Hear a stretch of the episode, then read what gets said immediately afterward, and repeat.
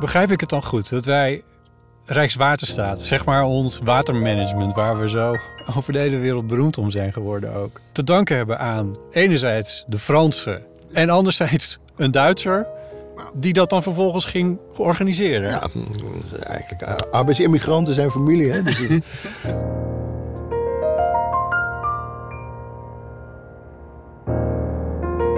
Welkom bij de podcast van Rijkswaterstaat. Mijn naam is Botte Jellema. Rijkswaterstaat bestaat dit voorjaar 225 jaar. Dat is reden om diep de historie in te duiken en terug te gaan naar het jaar 1798. Toen begon in Nederland een nationaal instituut te ontstaan dat zich met ingenieurs bezighield met water.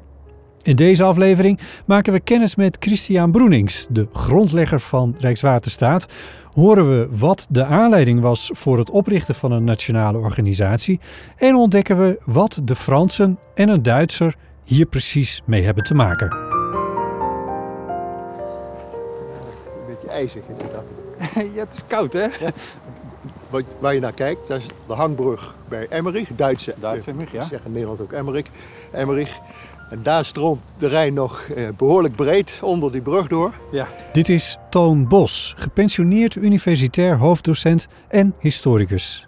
We zijn bij Pannerden, ten oosten van Nijmegen, waar de Rijn ons land binnenstroomt. We zijn precies op het punt waar het water van de Rijn zich splitst in de Waal en in het Pannerdens kanaal bij Fort Pannerden.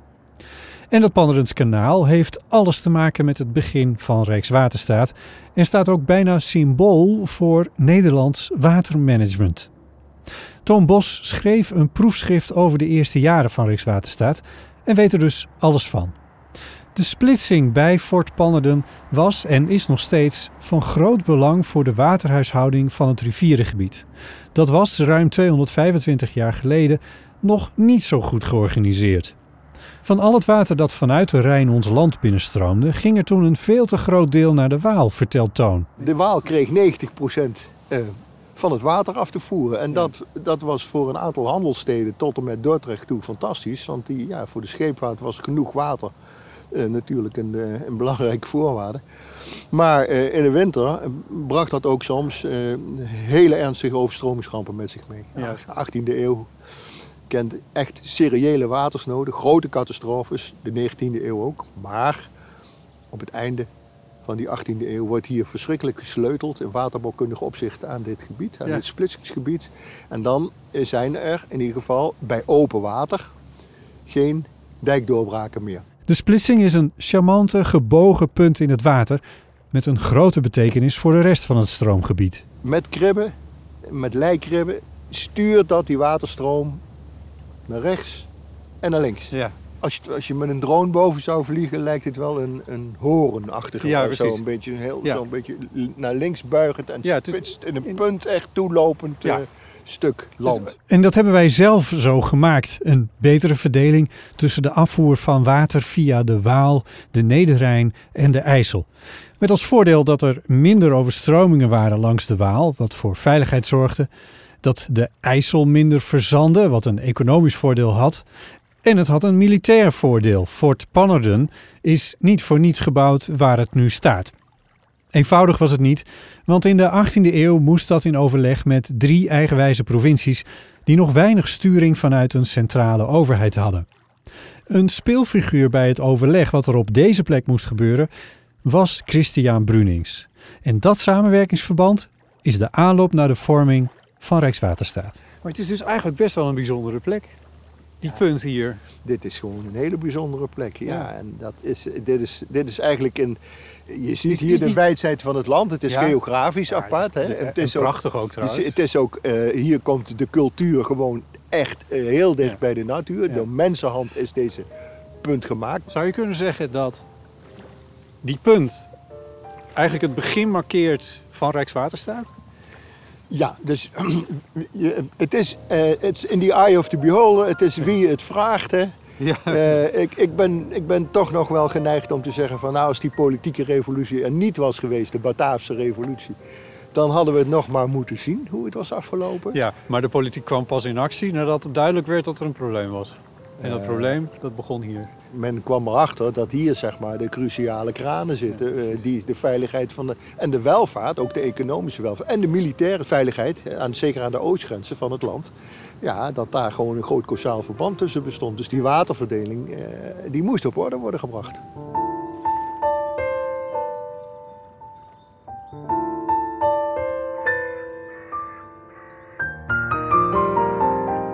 Het is prachtig daar bij Fort Pannerden, maar ook ijskoud. Toon Bos en ik gaan in de luwte zitten om verder te praten over die Christian Brunings.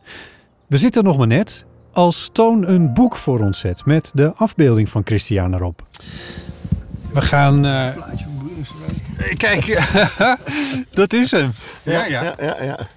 1736, 1805. Waterstaat in opkomst. Ja, de enige eh, meest recente biografie die we hebben. Dat is het. Het boekje is geloof ik in 1986 of zo gedrukt. Het is echt, valt helemaal uit elkaar. ja, ik heb het veel gebruikt. hè. Christian Broenings werd in 1798 benoemd tot president ter beheringen van de waterstaat van de Bataafse Republiek, de voorloper van Rijkswaterstaat. Hij ziet eruit zoals je verwacht dat iemand in 1798 eruit ziet. Of wacht, laat me dat plaatje wat beter schetsen. Dat is 200, eh, 225 jaar geleden. En ik moest even voor mezelf, zeg maar, even helder krijgen hoe lang dat eigenlijk geleden is. En toen kwam ik erachter dat dat het jaartal ook is waarin eh, Beethoven de Pathetiek schreef. Ja, als 27-jarige componist. Dat was een van zijn eerste werken. Zo lang geleden is het eigenlijk. Ja, ja 1798. Ja, ja Brunings was ook een uitstekende, hij had een groot muzikaal talent. Hij kon viool spelen, piano en, enzovoorts. Dus het, het was een, een omnitalent. Ja, ja. Maar, ehm, nou goed, hij, hij- het is de zoon van een Duitse predikant, een hervormde predikant in, eh, in Amsterdam. Hij wordt in 1736 eh, geboren. In Mannheim, als ik het goed heb. Ja, in Neckarau of zo, dacht ik. Ehm, Duitsland in ja, ieder geval. In Duitsland. Eh, zijn familie het is een familie afkomstig eh, in wat verder terug in de tijd uit Noord-Duitsland, Bremen, en kooplieden, maar ook behoorlijk veel intellectuelen, eh, geleerde eh, predikanten. En Ja. toen de tijd, in de 18e eeuw, spreken we over een gereformeerde republiek van de zeven Verenigde Provinciën, Ja. waarin de, eh, toch de, de, de, de in ieder geval, ja. Het was de protestantse. En, en er was ook een grote behoefte aan geschoolde predikanten. En ook aan predikanten met bepaalde visies op bepaalde theologische problemen. Want niet iedere predikant mocht in iedere kerk. Zo komt die vader van David, Brunings, komt ook in Amsterdam. In de, Noorder, eh, de Noordkerk, geloof ik. Noorderkerk, ja, Ja. dat kan. Ja. Christian is een slimme jongen, gaat naar het gymnasium en studeert een tijdje aan de Universiteit van Heidelberg. Maar door geldproblemen thuis gaat hij terug naar Amsterdam en neemt verschillende baantjes aan. Onder andere bij de aanzijnmakerij van zijn zwager. Daar ontmoet hij Jan Noppen, die opzichter is bij het Hoogheemraadschap van Rijnland in Leiden. En die brengt Brunings in contact met, met de waterstaat. Eh, daar had hij vermoedelijk al eerder belangstelling voor. Er zijn een soort mythen in die familie dat hij ooit met een kano de Rijn of zo zijn gevaren. eh, dat soort verhalen. Dus om niet meer, niet meer na te gaan. Maar in ieder geval heeft hij heel veel belangstelling voor, voor, water, voor waterstaat en voor de waterstaatsproblemen.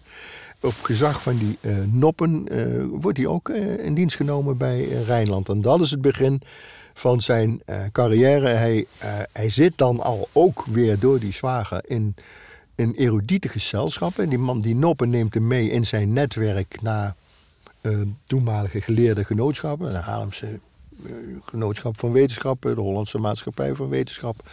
18e eeuwse groepen, meestal mannen, ja, eigenlijk alleen maar mannen in die tijd, ehm, die zagen dat, eh, geïnspireerd door het verlichte denken, dus het verlichte denken dat breekt met een, een wijsheid dat de wereld alleen maar door God gegeven wetten functioneert en dat de mensen daar eigenlijk weinig aan kunnen doen, hè, om het soms heel even breed te zeggen, maar Zoals Een overstromingen dan ook altijd door, door God, door eh, straf van ge- straf van God. Waren. Ja. ja. Maar daar kun je wel degelijk iets aan doen. Ja, en deze verlichte denkers die organiseren zich in geleerde genootschappen, eh, waarin ze op- met onderzoek, experiment, op rationele wijze proberen ook de problemen van hun tijd aan te pakken. Ja. En die kunnen uiteenlopen van hoe werkt een stoommachine tot Hoe kunnen we die rivieren beter laten afstromen? Ze hebben het ook over een betere manieren van begraven.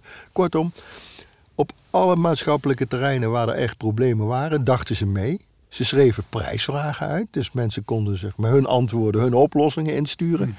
En dat, ja, dat is een zeer dynamische wereld en die speelt ook een rol, omdat daarin ook een aantal lieden elkaar tegenkomen die later ook weer in het waterstaatsbestuur, maar ook bij de Nationale Waterstaatsdienst vanaf 1798 een prominente rol zullen gaan spelen. In die tijd werd ervaring belangrijker gevonden dan theoretische kennis. Dat is een zienswijze die nog lang geduurd heeft, want ook als er technische scholen komen, hè, als ingenieurs worden opgeleid aan eh, polytechnische scholen en wat dan ook. En in het begin zijn er nog steeds eh, stemmen die zeggen je moet ze niet met het zoet der wetenschappen in contact brengen, want je bederft ze voor het waterstaatsvak. Hè, dat is, dus dat is heel lang geduurd voor de formele kennis. De formele kennisverwerving met onderzoek en op, gebaseerd op wiskunde. En, eh, eh, voordat dat kennismodel echt aan kracht won. Maar in de 18e eeuw komen er meer technische scholen. Christian Broenings zit daar middenin. Hij komt in dienst bij het Hoogheemraadschap van Rijnland en gaat zowel werken als studeren. Hij maakt snel carrière en richt zich zijn hele leven op het rivierbeheer. En hier is een van zijn eerste grote klussen dat hij ook bij die besprekingen, die worden in Arnhem gehouden, met afgevaardigden van het gewest Utrecht. Met het gewest- Arnhem, wat ongeveer aan de andere kant van Panneren ja, kanaal ligt. Ja, als het kanaal oversteken zou het eh, snel zijn. Ja. Eh, en vanuit Arnhem worden zeg maar, de beraadslagingen gevoerd. En dat heeft tijden geduurd. Want eh, de besluitvorming... ehm, we klagen nu wel eens over trage besluitvorming. Maar eh, in de 18e eeuw was dat gewoon door het systeem van ruggespraak. Hè. De, man, de mensen kwamen met een mandaat. De afgevaardigden van de provincie kwamen met een mandaat. En die moesten, wanneer daar weer verandering in kwam, weer terug naar huis. Om het mandaat te herzien of nou ja, nieuwe instructies te krijgen. Dus, Bovendien was men al decennia lang, tientallen jaren lang aan het overleggen. En kwam men er maar niet uit. Dat had te maken met geld. Want hoe gaan we dat betalen? Ja. Nou, eh, Holland was wel de rijkste provincie natuurlijk. Gelderland een stuk minder. Overijssel deed soms mee, maar die zijn al afgevallen een keer. Utrecht deed mee. Dat is een financieel probleem. En dan was ook oppositie van de riviersteden. Die wilden hun, bijvoorbeeld langs de Waal, waar het water wel goed doorstroomde, die wilden hun handelspositie niet verliezen. Want als ja, Nijmegen en Arnhem bijvoorbeeld, eh, twee concurrerende steden dan. Ja. Nog steeds, denk ik. Ja, ja, dat is een, een, een heel oud verhaal. Ehm, wat af en toe opvlamt, zeker twee keer per jaar in het verband van de, van de eredivisie voetbal. Maar, Oh, kijk. Oh ja, oh, die was ik nog even vergeten. Ja, inderdaad. Ehm, maar er, was ook, er waren ongelooflijk veel belangen die in elkaar moesten vallen. En nou, uiteindelijk is het gelukt om die knoop door te hakken. Om hier, eh, zeg maar in dit splitsingsgebied, ehm, grote werken te gaan uitvoeren in de jaren vanaf 1770 en, en daarna. Ja. Maar in hoeverre heeft eh, Christian Brunings nou zelf boven een tekentafel gehangen? Eh, We hadden het er al over van misschien heeft hij hier wel gelopen waar wij net liepen. In hoeverre heeft hij zelf die meting hier gedaan? Wat was. Wat, ik, ik, ik, Er was natuurlijk een, een er was personeel, er was waterstaatspersoneel, er waren landmeters bij. ja. Ik denk dat er ook overleg met Duitse waterbouwkundigen is geweest. Al heb ik daar niet hard de vinger op kunnen leggen. Ook de biografen eh, suggereren zoiets. Maar, maar in ieder geval, Brunings was zeer goed op de hoogte van de, eh, de Duitse eh, waterbouwkunde. En ook Ja. van de gezaghebbende figuren daarin. Al waren die toen nog een beetje in opkomst. Eh, veel kennis werd toen ook vanuit Nederland, vanuit de Republiek, eh, ook wel naar Duitsland geëxporteerd. Maar in de laatste 30 jaar van de 18e eeuw is, eh, Frederik II, is Pruisen in opkomst, is Frederik II eh, de vorst die grote, grootschalige openbare werken aandurft, de drooglegging van grote moerassen. En dan wordt er ook al gewerkt aan, de, eh, aan het verbeteren van de Elbe bijvoorbeeld. Een- ook een belangrijk voorbeeld later van hoe pakken ze dat aan. Welke middelen gebruiken Duitse ingenieurs. Maar goed, Brunings is hier nog met zijn kennis en met waarnemingen, veel waarnemingen, veel overleg, is hij hier het hele gebied gaan inspecteren. Dat moet gewoon. Hij moet hier ook geweest zijn met, met, zijn, met de bestuurders en met waterbouwkundigen. Ja. En dat heeft ertoe geleid dat ze hier een, een complexe serie maatregelen hebben uitgevoerd, waaronder het, een stukje uh, doorsnijden van een, een meander, uh, van, van een stukje van de, van, van de Rijn. Ja. Om daar Zo'n zo sikkel hè, die ja, dan om gevormd daar, het- om daar een kanaal aan te leggen. Dat is het Bilans kanaal geworden. En al die maatregelen hebben gewoon ertoe bijgedragen dat er een betere verdeling van het water over de rivieren kwam in die formule waar we het zojuist over hadden. Ja. Hè? Eh, Zes negende Waal, twee negende Nederrijn en iets verderop één negende naar de IJssel toe.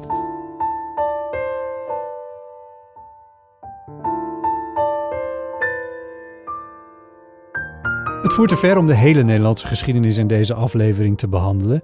Maar Christian Broenings en de eerste vorming van Rijkswaterstaat hebben er natuurlijk wel mee te maken. In 1795 vielen de Fransen Nederland binnen en werd de Bataafse Republiek gevestigd. Een centraal bestuurde eenheidsstaat noemt Toon Bos het. Het moest gewoon een burgerlijke samenleving worden met één regering, één grondwet en met regels en vrijheden die voor iedereen gelijk waren. Gelijkheid, vrijheid en broederschap. Juist. En er werden ook de, de, eh, de rechten van de mens werden afgekondigd en de, de enzovoorts. Het is een, een, een hele progressieve periode, maar die liep toch weer vast in de eindeloze debatten van ja, hoe ver, welke bevoegdheden krijgt die staat dan? En dat ging ook op het gebied van de waterstaat zo. Want ja, er waren zeker meer dan 3000 waterschappen. En waterschappen waren ook belangenorganisaties van degenen die veel grond hadden. Ja. En die lieten zich zomaar niet eh, het kaas van het brood eten. En zich vanuit één punt, vanuit Den Haag of Amsterdam of waar dan ook, vertellen wat ze moesten doen. Dus dat heeft een hele tijd geduurd. Dan komt er in 1798 toch vrij plotseling een doorbraak. Dat is ook weer een soort klein staatsgreepje. De, de, in het parlement moest gestemd worden over de grondwet. De Fransen hebben tijdelijk de tegenstanders, de erkende tegenstanders, opgehouden. Dus even gearresteerd of anderszins even. Die is voorgestemd en die wet is aangenomen. En dat is ook de wet waarmee het Centraal Waterstaatsbeheer Juist. wordt geparachuteerd of gecatapulteerd, kun je zeggen. Ja, ja. Ehm, en dat is ook het moment waarop Christian Brunings, die natuurlijk als zeer gezaghebbende waterbouwkundige in, in heel veel commissies en nota's en weet ik wat, heel veel geraadpleegd is over hoe moet dat er dan uitzien, hoe gaan we dat dan doen, hoe gaan we, zo'n, hoe gaan we dat territoriaal regelen in het land, hoe moet een land, hè, wat voor een districten moeten we maken, wie komt water zitten, wie, wie, wie nemen we überhaupt als, als collega's op in die nieuwe te vormen waterstaatsdienst. In al die overleggen is hij gewoon eh, vrijwel alom aanwezig. Hij drukt zijn stempel aan alle kanten op die centrale waterstaatszorg. Begrijp ik het dan goed dat wij Rijkswaterstaat, zeg maar ons watermanagement, waar we zo over de hele wereld beroemd om zijn geworden ook, te danken hebben aan enerzijds de Fransen, die het eh, democratisch, zeg ik even met aanhalingstekens, voor, voor elkaar hebben gekregen dat er überhaupt zoiets kon ontstaan als een nationaal instituut dat het waterbeheer ging doen. En anderzijds een, iemand van Duitse komaf, een Duitser, die dat dan vervolgens ging organiseren. Ja, eigenlijk eh, arbeidsimmigranten zijn familie. Hè? Dus het zou, eh, ja, dus, daar hebben we er nu ook heel veel van. En het leuke is dat wat we zien, en dat is niet alleen Brunings geweest, dat arbeidsimmigranten vaak heel veel bijzetten aan de kwaliteit, een verbetering van een nieuwe vaderland of zo. Maar goed, het is een ironie.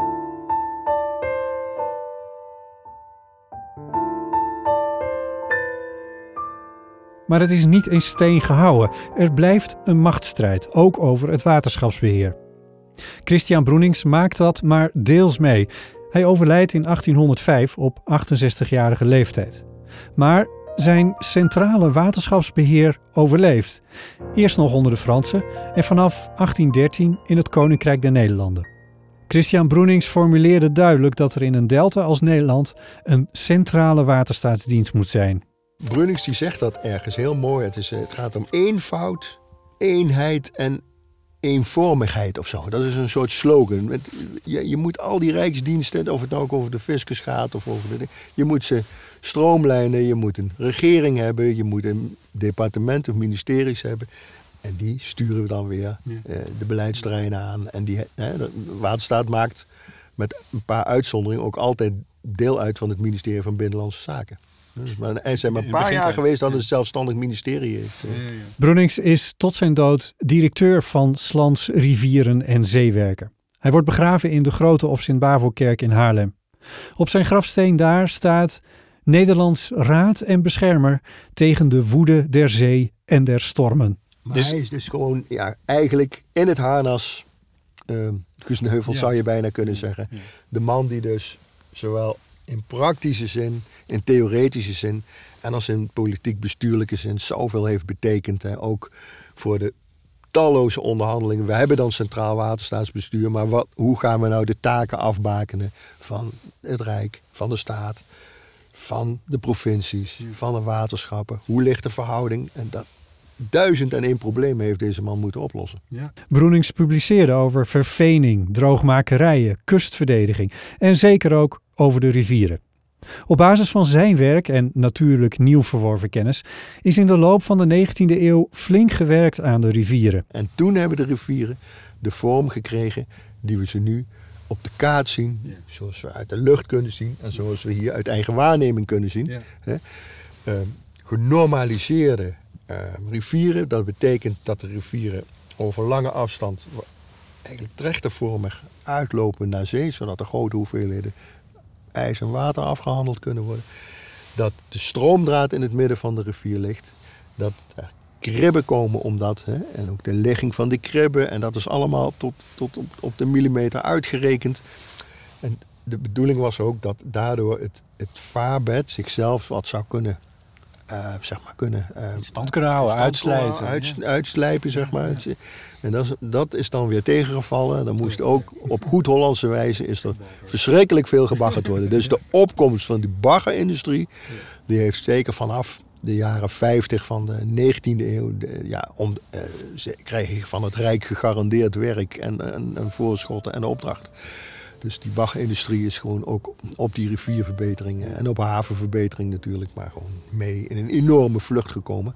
Tot de globale speler die het nu is nog steeds Ja. op dit gebied, hè, mondiaal.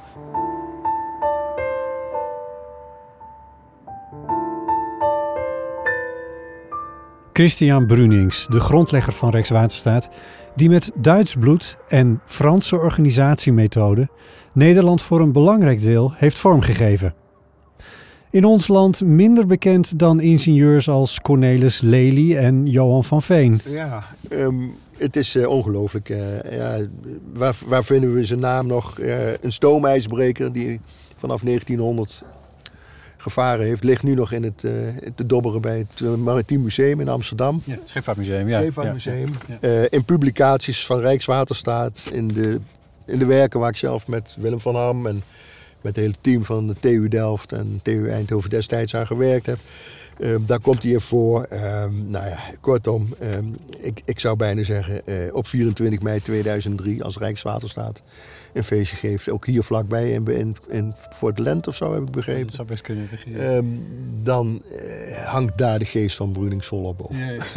Het kan niet anders. Ja, Ik denk dat Willem die avond wel een lekker wijntje drinkt. Dan ga ik thuis eh, een goed glas. eh, ik, heb, ik heb hier de afbeelding van Brunings. Ja, ja. En eh, ja, zonder nou een heilige verering te doen, maar eh, hij verdient eh, wel een goede, een goede toast. Ja.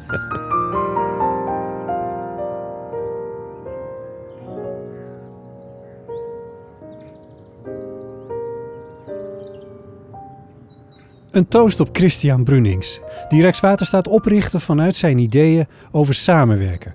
Omdat hij wist dat je meer kan bereiken wanneer je problemen samen aanpakt en die van Nederland meer maakte dan de som der delen.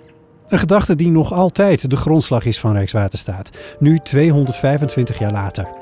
En een gedachte die ook voor toekomstige waterstaatkundige vraagstukken waardevol zal zijn. Je hoorde Toon Bos, gepensioneerd universitair hoofddocent en historicus, die een proefschrift schreef over de eerste jaren van Rijkswaterstaat, dat dit jaar dus 225 jaar bestaat. Dit was een aflevering van de podcastserie over het werk van Rijkswaterstaat. Bedankt voor het luisteren.